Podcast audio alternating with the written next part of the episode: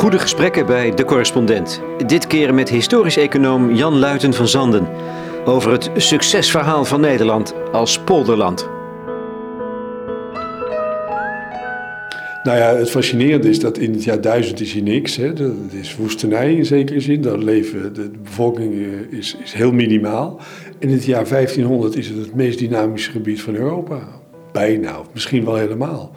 Dus, uh, en die trans, transitie van een hele grote achterstand, marginaal in Europa, naar een dynamisch centrum waar een heel groot deel van de bevolking in steden woont, waarin van alles gebeurt, wat zich eigenlijk al voorbereidt in zekere zin op de Gouden Eeuw. Hè. Dus die lange aanloop naar de Gouden Eeuw, ja, dat vind ik een, fantastisch verhaal. Dat, dat, dat helemaal goed te begrijpen, dat is nog steeds wel een van de uitdagingen van het vak. Want dat heb je nog niet helemaal gegrepen. Nee, dat zouden we toch wel nog, nog stukken beter. In ons boek over het poldermodel hebben we daar een soort samenvatting van wat we daarvan denken gegeven. Maar uh, ja, dat is toch, dat is toch een beetje aan de oppervlakte vlakte blijft dat. En daar zouden we nog veel dieper in willen doordringen. Wat, wat begrijp je dan nog niet? Wat begrijp je? Wat begrijp je? Uh, ja, dat is een goede vraag. Um, nou ja, uiteindelijk wat, we, wat je niet begrijpt, of wat het meest problematisch is, is uh, hoe uh, die steden zo, zich zo snel hebben kunnen ontwikkelen. van heel marginaal, heel klein, naar heel dominant in 1500. dus die, die soort versnelling die erin zit, wat we ook niet begrijpen, is dat overal in Europa zie je dan een sterke achteruitgang van stedelijke bevolking door de pest de Zwarte Dood van 1348. Dat betekent vaak het einde aan uh, de, de hoogconjunctuur in de steden. In, uh, in, in Noord-Nederland blijft die bevolking groeien, blijft die, die steden zich doorontwikkelen. Ja, dat, daar uh, hebben we nog steeds het laatste woord niet over gezegd. Verwoestende catastrofe is dat geweest, ja. hè? Dat, dat, dat, realiseer je nauwelijks, maar dat, ongelooflijk veel mensen ja. zijn daar dood gegaan. In, in Engeland hebben ze het over een derde tot de helft van de bevolking. In het zuidelijke, zuidelijke Nederlanden hebben ze het ook over een derde van de bevolking. Ja, in, in noordelijk Nederland maar, uh, is er wel een pest geweest, dat weten wij uit allerlei bronnen. Maar je ziet het eigenlijk nauwelijks in de bevolkingsaantallen. En zeker niet in die van de steden. Dus daar is iets, heel raars gebeurd. En dat begrijpen we nog steeds niet. En uh, er stond volgens mij een paar dagen geleden in de krant dat ze ontdekt hebben dat het dat die besmetting uit, uit, van een woestijnratje in uh, Azië komt.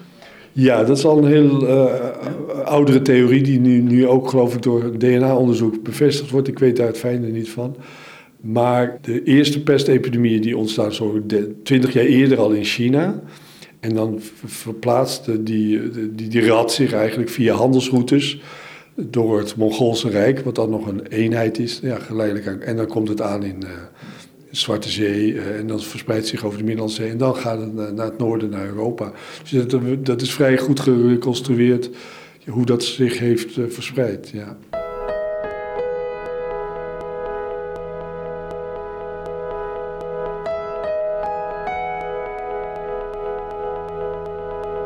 Jan Luiten van Zanden.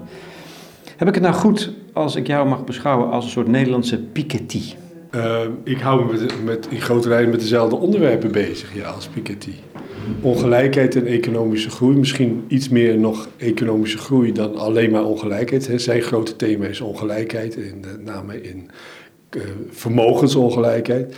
Ik heb me meer met inkomensongelijkheid en ook met de determinanten van economische groei in, op de lange termijn bezig gehouden. Dus het is een beetje, een beetje anders. Maar, maar jullie schuren toch tegen elkaar aan? Jazeker, we, we zitten heel erg op hetzelfde terrein. We kennen elkaars werk ook. Uh, maar ja, hij is, hij is plotseling een superstar geworden en dat is mij nog niet overkomen. En waarom is dat dan niet het geval? Omdat ik niet zo'n mooi boek heb geschreven als hij geschreven heeft. Ik heb wel boeken geschreven, maar zo'n ja, zo'n schitterend boek met eh, grote stellingen, grote ideeën, is er nog niet uitgekomen. Ja, ik heb wel mijn best gedaan, dat, maar, eh, maar ja, dat, dat is nog niet gelukt. Maar waar zit het, heb je wel bewondering voor zijn werk? Of, ja, of... absoluut. Ik heb, eh, ik heb enorm veel bewondering voor zijn werk. Niet dat ik alles precies uh, helemaal 100% geloof. Maar uh, uh, hij heeft op een hele mooie manier laten zien welke nadelige effecten grote ongelijkheid kunnen hebben op de lange termijn. daar zaten we weer op te wachten, want iedereen stond daar weer voor open. Maar dat was het juiste moment om die, die boodschap weer te brengen. En ik hoop dat dat nu ook een effect gaat sorteren. Dat we dat weer serieus gaan nemen, dat ongelijkheidsprobleem. Want daar is het ook mee begonnen. Je, je, je, komt vanuit de economie, later pas is de geschiedenis erbij gekomen, heb ik begrepen. En ik, de jaren zeventig zo, begon het met, met nou ja, een gevoel van uh, onvrede over de ongelijkheid in de wereld. Ik ben in de tijd in de jaren 70 ontwikkelingseconomie gaan studeren. Uh, omdat je, ja, het armoedeprobleem wilde je proberen te begrijpen en dan ook oplossen. Dus ja, kan, we waren allemaal heel idealistisch toen ik in de jaren 70. Nog steeds misschien wel een beetje. Um, en toen kwam ik er eigenlijk achter dat je, dat niet zo makkelijk ging als, als bijvoorbeeld uh, Timbergen met zijn model had aangegeven. Dat je maakt een model van een economie, je draait aan een paar knoppen, je investeert een beetje meer en dan is het probleem opgelost. De, uh, dat uh, ongelijkheid en armoede hebben hele diepe historische wortels. en zo ben ik geïnteresseerd geraakt in die historische kant van dat verhaal. Dus ik ben begonnen met economie gaan studeren, ben ik geschiedenis bij gaan studeren. En uh, ja, toen ben ik economisch historicus geworden. Dus ik heb de, de zaken zoveel mogelijk uh, ben ik gaan combineren. En die ontwikkelingseconomie, dat gaat, ging dat over de, de, wat we toen nog noemden de derde wereld? Het armoede in de, ja. in de wereld? Ja, dat ging over Afrika, Azië, uh, Latijns-Amerika. Ja. En welke problemen daar speelden en hoe je dat kon aanpakken. Je bent ook op reis geweest, neem ik aan. Ja, het maakte geen onderdeel uit van de studie overigens. Dat was niet direct nodig. Maar daarna ben ik natuurlijk uh, ja, ook met allerlei onderzoekers uit de, uit de derde wereld, of hoe je het maar noemen wil, in contact gekomen. Heb en bezocht, uh, heb daar college gegeven, heb daar op allerlei manieren mee te maken gehad. Ja. Waar zat je? Ik heb in Indonesië gezeten, in Zuid-Afrika, in Oeganda ben ik geweest. Dus ik heb verschillende landen. Ik heb niet ergens, uh, zoals een antropoloog, een dorp ingegaan en daar zes jaar gezeten. Maar ik heb verschillende ervaringen in verschillende delen van de wereld. Ik heb veel over Indonesië onderzoek gedaan. En de laatste tijd ook in toenemende mate over Afrika. Omdat Afrika nou ja, steeds meer hot is in zekere zin. Het grote thema van waarom verdwijnt de armoede daar niet. En wat heb je daar ontdekt eigenlijk? Heb je daar cruciale dingen ontdekt? Ja, Toen al? Nou, toen al is, is, is, is moeilijk aan te geven. Nou, bijvoorbeeld een, een, een, een van de eerste ervaringen die we hadden toen we in Indonesië waren, uh, zelfs ook nog maar op vakantie met het gezin, was dat we gingen praten met een taxichauffeur. En die legde uit hoe zijn situatie eruit zag. Hij huurde een taxi van een Chinees die, uh, die eigenlijk alles te zeggen had. 90% van het inkomen van wat hij verdiende ging naar de Chinees. 10% was voor hem. Maar als je hem nou een tip gaf, een, een fooi, dan kon hij dat zelf houden. Dus hij wilde zo weinig mogelijk geld eigenlijk krijgen en zo groot mogelijke uh, fooi. En nou, door met hem te praten kwam je er eigenlijk achter hoe die samenleving dan in elkaar zat. Uh, ja, zo heb je voortdurend ervaringen. Ik heb daar een hobby aan overgehouden, aan die eerste ervaring met hem. Uh, namelijk altijd met taxichauffeurs praten. Dus ik probeer een soort wereldkaart van taxichauffeurs op te bouwen. Misschien ga ik er ooit over publiceren. Van, ja, hoe, hoe zit het taxichauffeursbedrijf uh, in, in, in elkaar in verschillende delen van de wereld? Als je in Portugal met een taxichauffeur praat, krijg je een heel ander verhaal dan in Nederland. Of dan, Nederland heeft het vaak, uh, uh, nou goed, dat doet er even Maar goed, dat soort, en, en dat geeft je weer een hele indruk van hoe de, eigenlijk de ongelijkheid in de wereld in elkaar zit. Is het begonnen met Marx? Was jij een rooie in die jaren? Ik was gematigd rood. Ik was heel, ik was heel protestants geïnformeerd opgevoed. Dus ik, uh, keurig? Ik was heel keurig opgevoed, absoluut. Uh, dus ik, ik, ik studeerde aan de, aan de VU. Dat waren ook niet de meest radicale uh, linkse lieden. Dus het, een beetje de PvdA-achtig, GroenLinks, die, die hoek. Daar voel ik me wel in, wel, wel in thuis. CPN heeft me nooit aangesproken. Nee, nee niet zo radicaal, maar maar is het verbonden met het protestantisme ook? De, de, de, de, nou ja, nadenken over onrechtvaardigheid, ongelijkheid in de wereld? Is dat de bron? Uh, in, in, voor mij persoonlijk is dat wel een beetje de bron, maar ik denk dat er vele bronnen zijn. Ja. Het katholicisme heeft een vergelijkbare traditie, de islam ook, uh, over gelijkheid voor, voor Allah en ongelijkheid op aarde.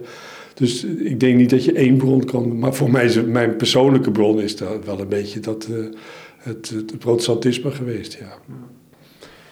Ja, ik, ik kan nog steeds, ik heb nog steeds van die hobby of die interesse, die, die levensovertuiging, heb ik mijn werk gemaakt. Dus ik heb het kunnen cultiveren. Ik kan nog steeds met dat soort thema's bezig zijn. Met het perspectief dat je iets probeert te begrijpen wat je op de termijn ook hoopt te veranderen. Dus in die zin kan je als academicus veel makkelijker een soort idealisme overeind houden dan dat je ja, in, het, in Shell was gaan werken. Oh, dan had ik hem waarschijnlijk wat, was het lastiger geweest, denk ik. De universiteit als, als bolwerk van idealisme? Als bolwerk, als kweekvijver, ja, in ieder geval als relatief beschermde omgeving waarin je uh, je met dat soort dingen kunt bezighouden.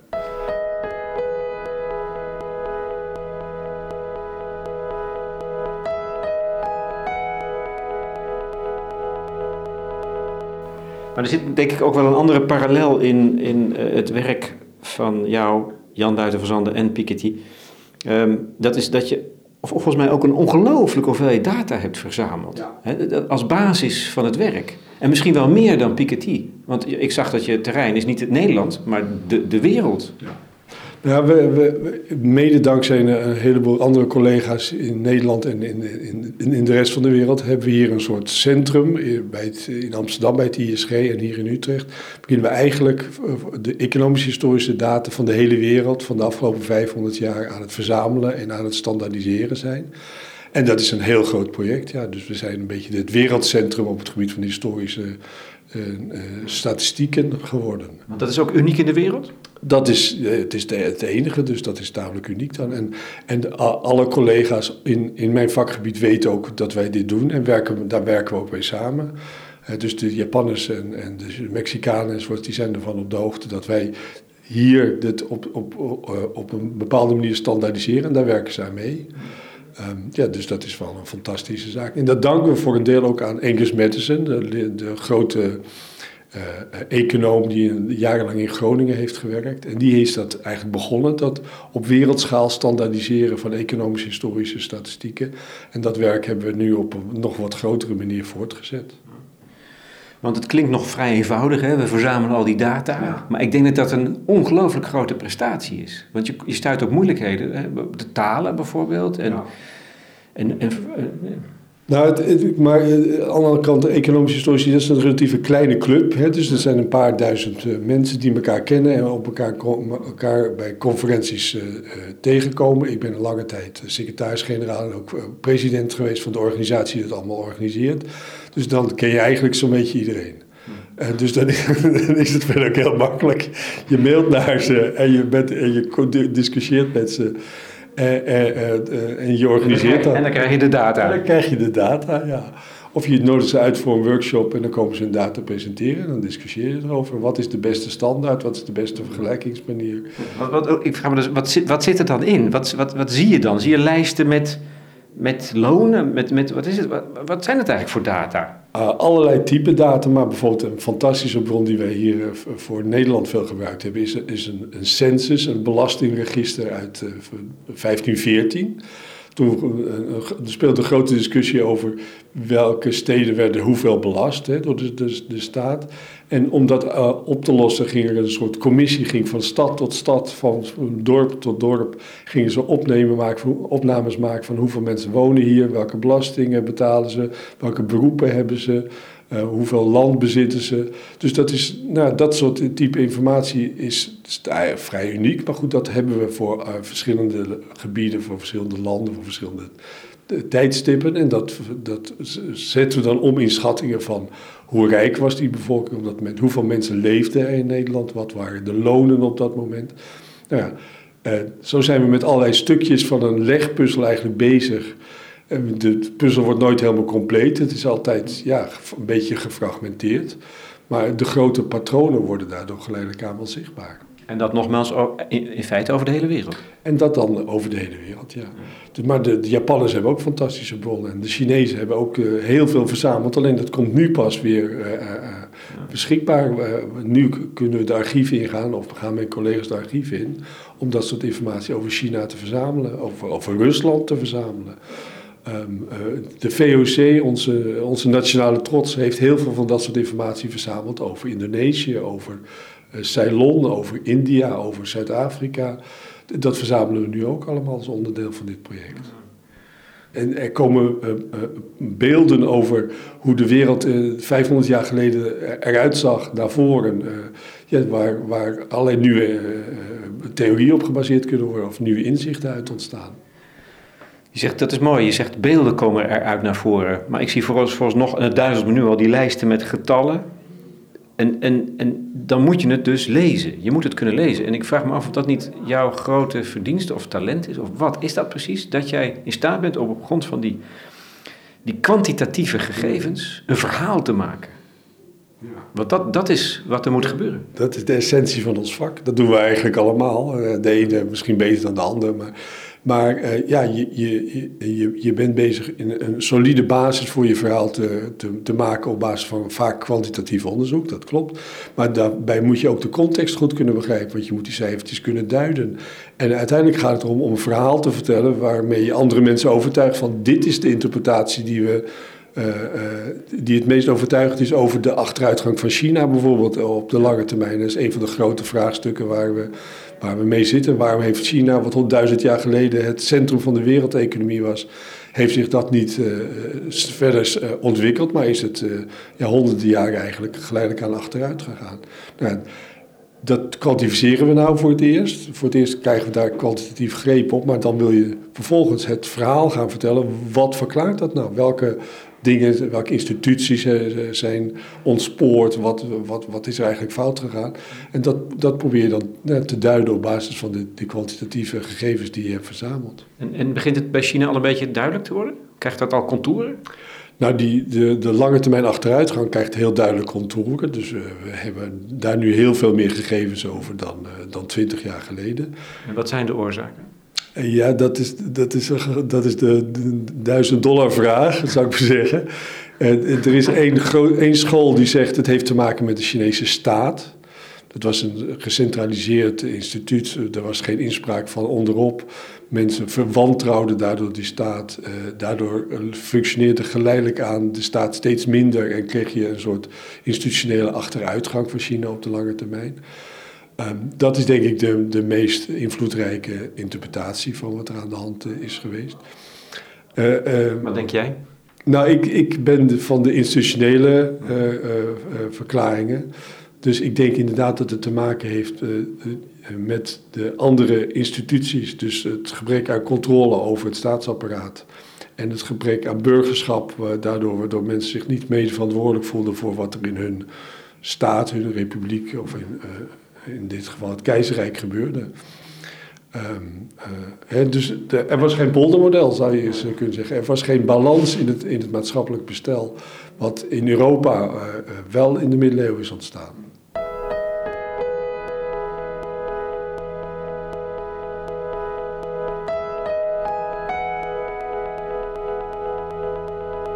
De kracht van Piketty bleek dat hij ook al ontzettend veel data heeft verzameld, ja. toch? En zijn het dan ook data die bij jullie in, het, in, het, uh, nou, in de database zijn terechtgekomen? Maakt dat er ook deel van uit?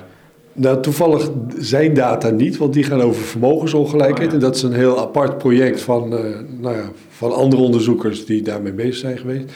Wij hebben veel data over die inkomensongelijkheid en dat loopt heel erg parallel. Daar zie je ook wel de, in grote lijn dezelfde trends in. Maar wij hebben ons daarin gespecialiseerd en hij uh, met zijn club op de vermogensongelijkheid. Dus zijn data zitten niet bij ons in de, in, in de data. Maar dat is wel een, een, een heikele kwestie, toch? Waar kijk je naar? Naar inkomen of vermogen? Dan krijg je, je zegt, je krijgt hetzelfde, maar er zijn mensen die juist ja. beweren dat dat fundamenteel verschillen oplevert. Nou, de grote trends over de afgelopen 200 jaar, die, die zijn in grote lijnen hetzelfde, denk ik. Um, als je nu heel specifiek kijkt, bijvoorbeeld wat Nederland de afgelopen 20, 30 jaar gebeurd is, is die vermogensongelijkheid vermoedelijk verder of iets toegenomen en de, de inkomensongelijkheid zo goed als niet. Dus ja, dus op, op een bepaald lager niveau zie je subtiele verschillen. Um, en de, een van de discussies is, wat uh, is nu het meest relevant voor ons welbevinden, zou je kunnen zeggen? Is dat het inkomen wat we ontvangen? Of is het vermogen en in feite ja, je, je, je hele loopvermogen wat je gedurende je levensloop kunt accumuleren, is dat het meest relevante maatstaf om naar te kijken. Dat is meer een theoretische discussie. Wat, wat bepaalt nou ja, het welbevinden van jou en van mij? Is dat het inkomen wat je krijgt of je vermogen wat je hebt? Dat is niet opgelost, die kwestie. Ook al heb jij een keuze gemaakt. Ja, wij hebben een bepaalde praktische keuze eigenlijk gemaakt. Maar ja, voor beide, beide interpretaties is veel te zeggen. Uh, je, je, zou kunnen zeggen voor uh, ja, je dagelijkse consumptie. En daar uh, is het inkomen veel belangrijker. Maar voor je lange termijn perspectief is je vermogen weer veel belangrijker. Ik las stukken uit het nieuwe boek van Joris Luijendijk. Die de financiële wereld in ja. Londen heeft uh, onder de loep ja. genomen. Twee jaar lang natuurlijk voor The Guardian. En die, ja. heeft een paar, die heeft een paar mooie grappen wel. Um, wat is een econoom? Iemand die het oneens is met een andere econoom. Of, of er zijn drie soorten economen. Zij die kunnen tellen en zij die dat niet kunnen. het, gaat, het gaat maar om de, om de, om de, om de kracht. Want daar wil ik nu wat verder op ingaan van de historische economie. Hè? Uh, want die kijkt achteruit. Nee, niet helemaal. Dat je alleen maar achteruit kijkt. Je kijkt achteruit om beter vooruit te kunnen ja, kijken. Wel, ja? Nou ja, kijk, ik ben niet de hele dag bezig met prognoses. Maar je probeert daarmee toch vooral te begrijpen wat er, in, uh, ook op wat, wat er om je heen gebeurt. Dus, en het is ook een soort historische diepte, helpt je denk ik ook om beter te begrijpen wat er nu gebeurt. En, en beter de zaken die je nu ziet veranderen te plaatsen. En bijvoorbeeld, en, en standaardvragen die ik heel vaak van mijn studenten krijg. En wat gaat er nu met China gebeuren? Zijn, gaan ze ons binnen tien jaar overvleugelen? Ja. Nou, dan weet je op basis van vergelijkbare uh, uh, ontwikkelingen in andere landen, Japan of, of uh, andere voorbeelden, dat je, je, dat je een, een, periode van snelle groei, dat dat eindig is. Dat op een bepaald moment daar, dat noemen we catching-up groei, dus inhaalgroei. Op een bepaald moment kom je daar tegen een plafond aan en dan moet een economie omschakelen naar een ander type groei. van inhaalgroei naar groei die gebaseerd is op nieuwe ontwikkelingen, nieuwe innovativiteit en nieuwe technieken. Je kunt dus makkelijk groeien als je een achterstand hebt, want dan kun je alles importeren en, en snel uh, proberen de andere in te halen. Maar op een bepaald moment moet je overgaan naar op creativiteit gebaseerde groei. En dat is een hele andere opgave. Dus uh, dat, die omschakelingsproces, dat kennen we van verschillende landen. En dat is ook voor, met Japan natuurlijk, is daar heel problematisch, is de, heeft dat zich afgespeeld. Uh, dus we weten ook voor China, dat blijft niet oneindig zo uh, met 8 of 10 procent groei. Maar binnen nu en, en 15 jaar moet dat een, een hele dramatische transformatie maken in, een, in de richting van een heel ander groeiproces. Dus het idee dat China ons zomaar eventjes inhaalt, is, is daar kun je op basis daarvan aantonen, is onzin. En kun je dan wel voorspellen van of, ze daar de, of de maatschappij zo ingericht is dat ze daarin zullen slagen? Want dat vergt dus een bepaald soort ja. samenleving, maar ook een bepaald ja. soort creativiteit. Of... Ja. Nou ja, de, dus de, de, de theorie die op dit terrein de ronde doet, is dat je dus eigenlijk een soort open uh, samenleving met uh, uh, goed, goede bescherming van eigendomsrechten nodig hebt om uh, die transitie mo mogelijk te maken en dat China daar niet klaar voor is. Open, wat, wat, want dat is cruciaal, hè? open samenleving. Wat betekent dat precies? Nou ja, dat je over de, uh, alle maatschappelijke problemen die daarmee gepaard gaan open kunt, uh, kunt discussiëren daar, en daar op een verstandige manier besluit over kunt nemen. En nu gaat dat natuurlijk allemaal heel erg achter gesloten deuren en wordt die, worden dit soort maatschappelijke discussies eigenlijk heel erg gekanaliseerd of vinden eigenlijk onvoldoende plaats.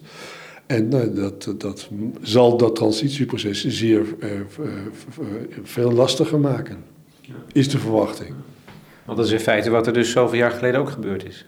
Eeuwen geleden met die, die, die, die Chinese uh, ontwikkeling. Nou ja, er zijn in zoverre parallellen dat nou ja, een van de interpretaties van de achteruitgang van China op lange termijn ook met dezelfde machtsstructuren te maken heeft. Dus China zijn ze uh, gewend uh, om te denken in gecentraliseerde machtsstructuren. Alles moet helder zijn en geregeerd vanuit één punt, om het even heel simpel samen te vatten. Nou ja, dat heeft men in het verleden dwars gezeten en, en uh, het lastiger gemaakt van China om zich aan te passen aan nou ja, de opkomst van Europa. Uh, en dat zou, uh, datzelfde probleem speelt nu weer op een hele evidente manier. En dan Nederland.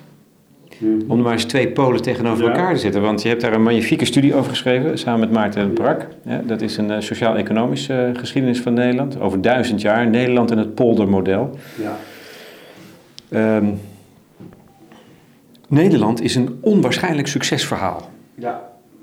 Heel klein, En uit de, uit de klei en het moeras en het veen opgetrokken zo'n beetje. En, en het, uh, nou ja, tot een van de rijkste landen, zo niet het rijkste land in de wereld, uitgegroeid. Ja. Dan wil je natuurlijk weten, uh, wat zijn de oorzaken? Want daar heb je naar gekeken en daar heb je in kaart gebracht op grond van uh, nou, al die data. Ik probeer het Nou ja, maar dat is volgens mij wel behoorlijk gelukt hoor. Maar dan wil ik natuurlijk weten, wat zijn nou voor jou misschien wel de drie belangrijkste redenen dat dat heeft kunnen gebeuren? Nou, de allerbelangrijkste reden die wij identificeren is dat dus in de middeleeuwen hier een, een, een machtsverdeling tot stand gekomen is tussen verschillende georganiseerde belangengroepen. Uh, onafhankelijke steden, de, de, uh, de, de, staat. en die hebben een manier van machtsverdelen en, en ja, polderen ontwikkeld, die in feite nog steeds bestaat. Uh, waarbij dus niet alle macht gecentraliseerd is op één punt, maar waar men uh, gewend aan is dat macht gedelegeerd wordt, dat macht uh, deelbaar is, onderhandelbaar. Dat je niet dat een vorst zegt: Oké, als ik belasting nodig heb, dan gaan we bij de steden om, om geld vragen. En dan in ruil daarvoor sta ik een stukje macht aan die steden af. En dan wordt de, de, de machtsbaas van die steden verder vergroot. Of iets vergelijkbaars met de adel doen. Dus uh, ja, een onderhandelbare uh, machtsverdeling eigenlijk. En, en, dat, en dat, dat gaat dus over het feit dat burgers, groepen uh, uit de, van de bevolking zich organiseren en zich vertegenwoordigen in het spel van belangen uh, dat er altijd bestaat. Ja, dus een, een, sterk georganiseerd middenveld heet het dan tegenwoordig. Dus, dat waren steden, dat waren gilden, dat waren boeren die in markengenootschap waren. Vakbonden, Zo, mag je die er ook toe rekenen? Ja, later. dat, ik had nu even over de eerste situatie, maar later krijg je natuurlijk de vakbonden. Uh, georganiseerde uh, landbouw kan je daarin meenemen. Um, maar en die, die, die worden als het ware geaccepteerd in de, in de machtsverdeling, kunnen hun eigen rol daarin spelen. Uh, ja, we ontwikkelen een CERC om iedereen hun plaatsje te geven in, in zo'n machtsverdeling. Uh, uh, en dat functioneert traag, hè, dus het is niet iets van grote dramatische beslissingen. Als het schip een andere kant op moet varen, dan kost het een, een tijdje voordat het, het, het stuur om is, het roer om is. Maar dan gaat het ook de, de juiste kant op. Hè. Dus het, is een, een, relatief traag werkend systeem, maar het heeft een grote flexibiliteit. Het kan zich ook aanpassen aan, aan allerlei maatschappelijke veranderingen. Die middeleeuwse erfenis is, is een Europees verschijnsel. Dus ook die machtsverdeling tussen, uh, tussen uh, vorst en steden en parlementen en dergelijke, die zien we eigenlijk in heel Europa. Um, uh, maar toch neemt Nederland dan weer een uitzonderingspositie nou, het wordt, in Nederland wordt anders, omdat we in de 17, 16e en 17e eeuw, waarin een groot deel van Europa richting absolutisme uh, afdrijven, zou je bijna zeggen, waarin dus die gecentraliseerde machtsverhoudingen daar meer toonaangevend worden. Ja, dat, datzelfde proces maken wij hier ook mee in de 16e eeuw, Philips tweede. Maar dat leidt tot een groot conflict, uh, onze opstand, en dan vestigen we eigenlijk een, een, republiek die meer geworteld is in die oude middeleeuwse tradities van machtsverdeling, dan uh, dat we uh, richting absolutisme gaan. Dus, en daar, dan wordt het Nederlandse verhaal anders, hè, een beetje à la Zwitserland, wat ook buiten het absolutisme blijft. Um, dan wordt het een ander verhaal, dan blijven wij een republiek. En pas in de 19e eeuw heb je een korte periode, Willem I, waarin we nou, een soort absolute vorst hebben gehad. Maar dat stelt natuurlijk op de hele geschiedenis heel weinig voor. Eén conclusie. Op het moment dat dat maatschappelijke middenveld uh, afkalft, moeten de alarmbellen gaan rinkelen. Daar moet je oppassen. Ja, dus die, de, de balans in, de, in het hele sociaal-politieke gebouw wordt mogelijk gemaakt omdat mensen zich hebben georganiseerd op allerlei manieren. Eh, als vakbonden, eh, in beroepsorganisaties, eh, in politieke partijen denk ik ook. Dus als dat achteruit gaat, en dat, dat risico is natuurlijk wel op het moment duidelijk aanwezig. Ja, dan, dan moet je zorgen maken over de, de, het, het hele gebouw in zekere zin, want dat houdt de zaak in evenwicht. Dus ook bijvoorbeeld de rol van de vakbonden. Als het gaat over groei en ontwikkeling, die is cruciaal. Ja, maar je, je, je, dat betekent natuurlijk niet dat, dat alle de volkomende duizend jaar ook weer de duizend jaar van, van uh, vakbonden zijn. Dus je kunt je ook voorstellen dat we toe gaan groeien naar een fase waarin dat arbeid op een andere manier weer georganiseerd is. Waarin het de ZZP'ers zijn georganiseerd op allerlei manieren of op andere manieren dat we arbeid organiseren. Uh, die een vergelijkbare invloed hebben. Dus het, het vakbondsmodel is, is uh, het model van de 20e eeuw, van de 19e, 20e eeuw. Maar dat betekent niet automatisch ook dat het de toekomst heeft. Dus dat, dat soort reserves moet je wel een beetje inbouwen, denk ik.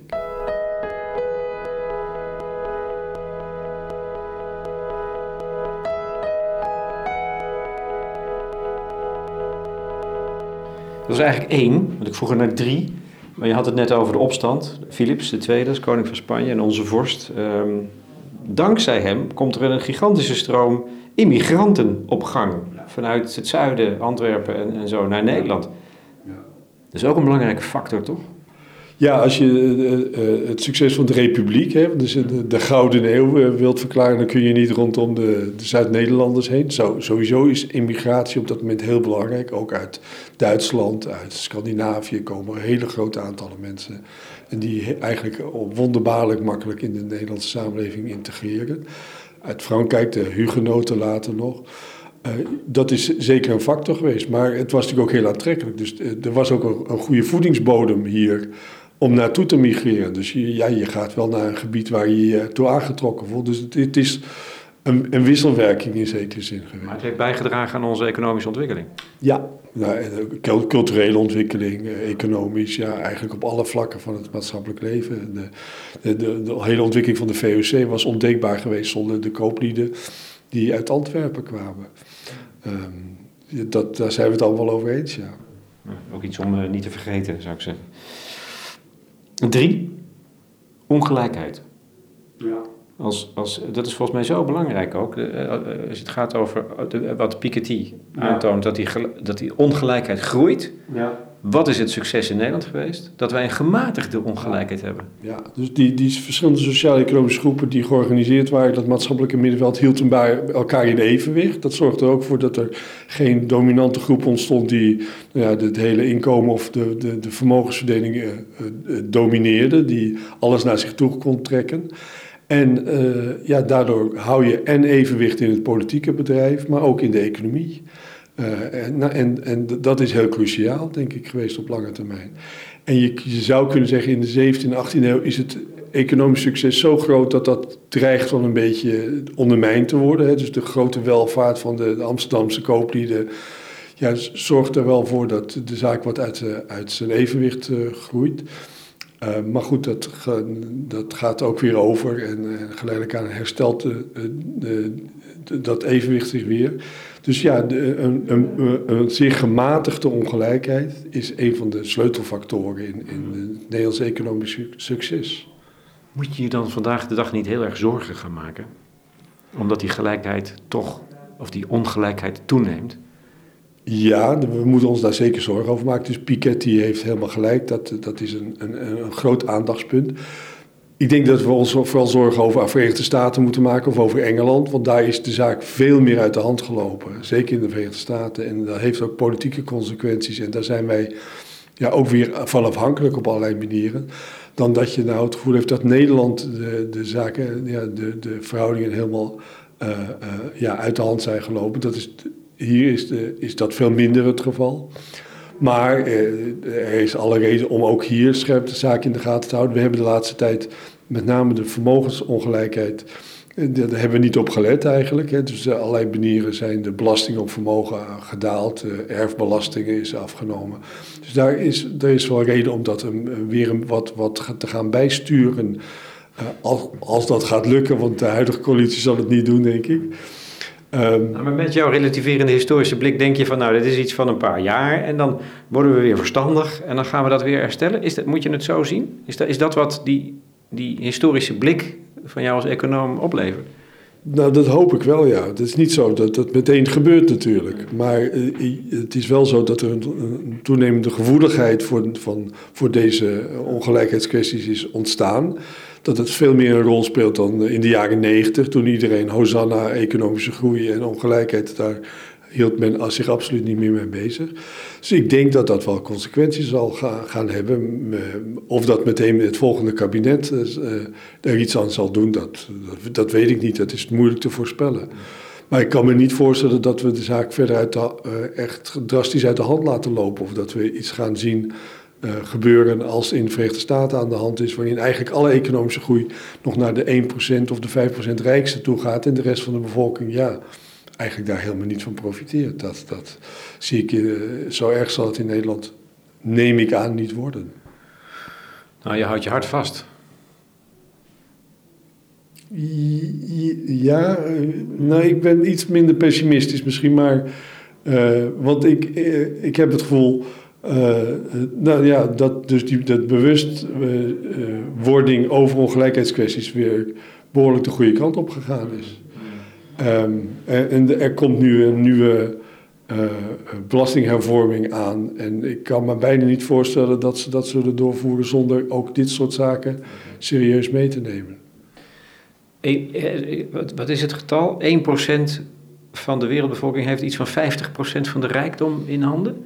Ja, dat, dat, heb ik ook gezien. Volgens mij staat ook ergens in Piketty, heeft hij dat op basis van Zwitsers onderzoek uh, gereconstrueerd. Maar dat is toch eigenlijk iets, wat, dan, dat is toch een soort feodaliteit, denk ik dan?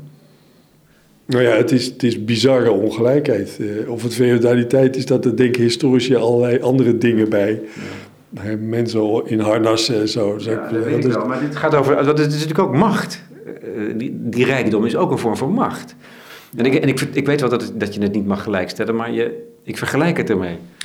Ja, maar het is de vraag op welke kant de, ook de, de zaak zich uitontwikkelt. Hè. Dus als je kijkt naar wat in de afgelopen 20, 30 jaar in de wereldeconomie gebeurd is, dan zijn, hebben heel, hele arme delen van de wereld hebben zich heel gunstig ontwikkeld. Dus eh, China, India, Indonesië, dat waren de, de grote probleemgebieden 30 jaar geleden dat is, die zijn staan er nu stukken beter voor dan. En, en, dus de, de ongelijkheid op wereldschaal neemt al een tijd lang, als je naar inkomensongelijkheid kijkt in ieder geval, niet meer toe.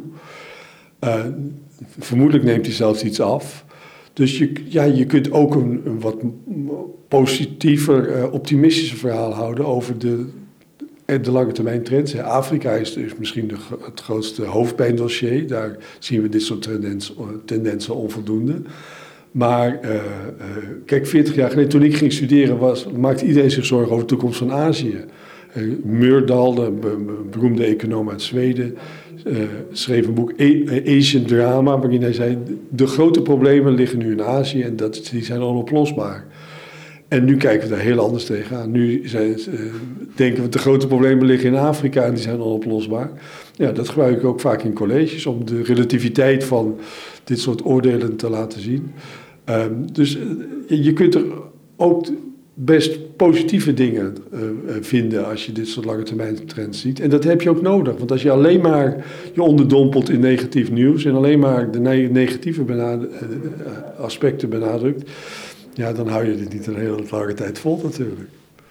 En dan houdt je idealisme ook geen stand. Wat is het probleem in Afrika? Goh, dat is ook weer zo'n ontzettend moeilijke vraag. Ja, ik stel altijd hele eenvoudige vragen. Als je eh, in Afrika rondloopt, dan is het eerste wat je tegenkomt is massieve corruptie. Als een enorm probleem.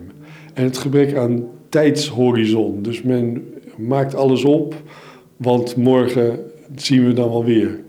Uh, ja, het zijn een beetje clichés, maar het is, het is wel waar. Uh, ook de druk die van familie. Dus er zijn ontzettend hechte families. Als je een beetje succesvol bent, en dat hoor je dan wel eens als je met zo'n Je verdient een aardig inkomen, dan komt uit alle hoeken en gaten komt de familie bij je wonen en daarmee ervan profiteren. Dus dat, dat heeft ook een, soort neerdrukkend effect op, op initiatief van mensen. Dus zijn allerlei. Uh, ja, er wordt toch heel jong getrouwd. Dus mensen, vrouwen krijgen heel veel kinderen. En die bevolking blijft maar doorgroeien. Dus het zijn allemaal van dit soort zaken. Ja, de, de, het is moeilijk om te zeggen één factor kan aangewezen worden. Maar het zijn dit soort. En vaak ook zaken die met elkaar verband houden dus die tijdshorizon en corruptie en slechte instituties in het algemeen, slecht, geen, geen kapitaalmarkt waar je geld kunt lenen, ehm, ja, dat hangt allemaal met elkaar samen. En ook dat is historisch gegroeid, ook, want dat is natuurlijk... Ja, nou, ja, een van de grote debatten is bijvoorbeeld wat de invloed van de slavenhandel geweest is. Dus eh, het is wel beweerd en ik denk toch wel tamelijk overtuigend aangetoond dat de gebieden die het meest geleden hebben onder de slavenhandel ook nog steeds de gebieden zijn die het slechtste doen.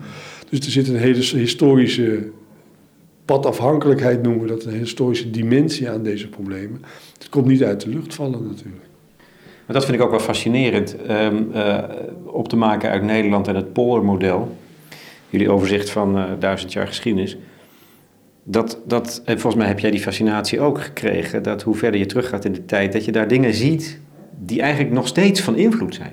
die eerste periode van 1000 tot 1350, daar, daar ben je als het ware steeds meer in gaan verdiepen. Zo daar ligt de kern, dat is toch ongelooflijk? Ja, maar dat heeft ook iets beangstigends. Want de, de, de, de, de, de ellende is als je die conclusie steeds weer naar voren trekt, dan betekent het ook, wat kun je dan aan Afrika doen? Je kunt een land niet een andere geschiedenis geven.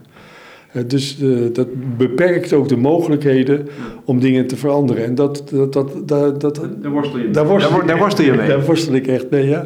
Uh, en dus het is ontzettend trendy op dit moment om te laten zien dat er gebeurtenis uit 1553, zou ik maar zeggen, nog steeds een effect heeft in, in 2015. Maar als we dat blijven herhalen en als we het blijven benadrukken, dan is er geen vrijheid meer. Dan zitten we allemaal gevangen in, in, in de geschiedenis die we gehad hebben.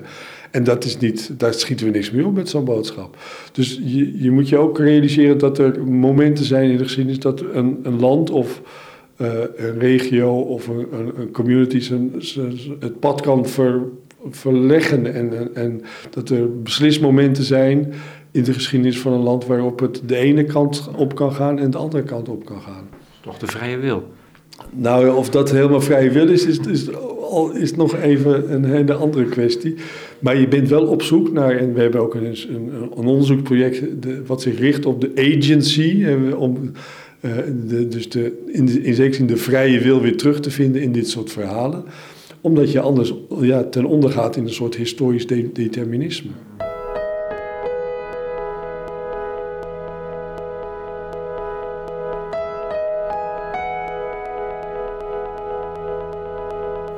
Laatste vraag. Ben je nog steeds idealist? En wat houdt het dan in, anno 2015? Ik, denk, ik, ja, ik denk het wel, maar misschien kunnen andere mensen dat beter beoordelen dan ik. Uh, wat, wat houdt het in? Ik, uh, ik, ik denk dat ik nog steeds eigenlijk aan hetzelfde programma werk als waar ik, wat dat betreft is er niet zoveel veranderd, als waar ik in de jaren 70 mee begonnen ben. De armoede opheffen.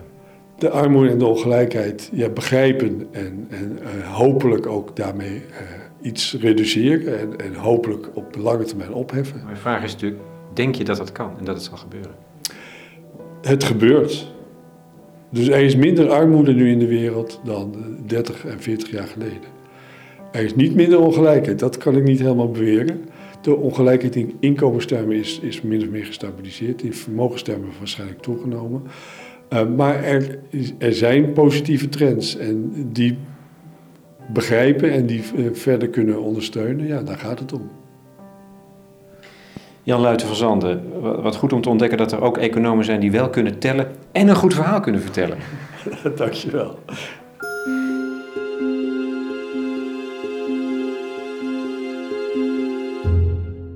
Jan Luiten van Zanden, in gesprek met Lex Bolmeijer over het mooie vak van de historische economie voor de correspondent.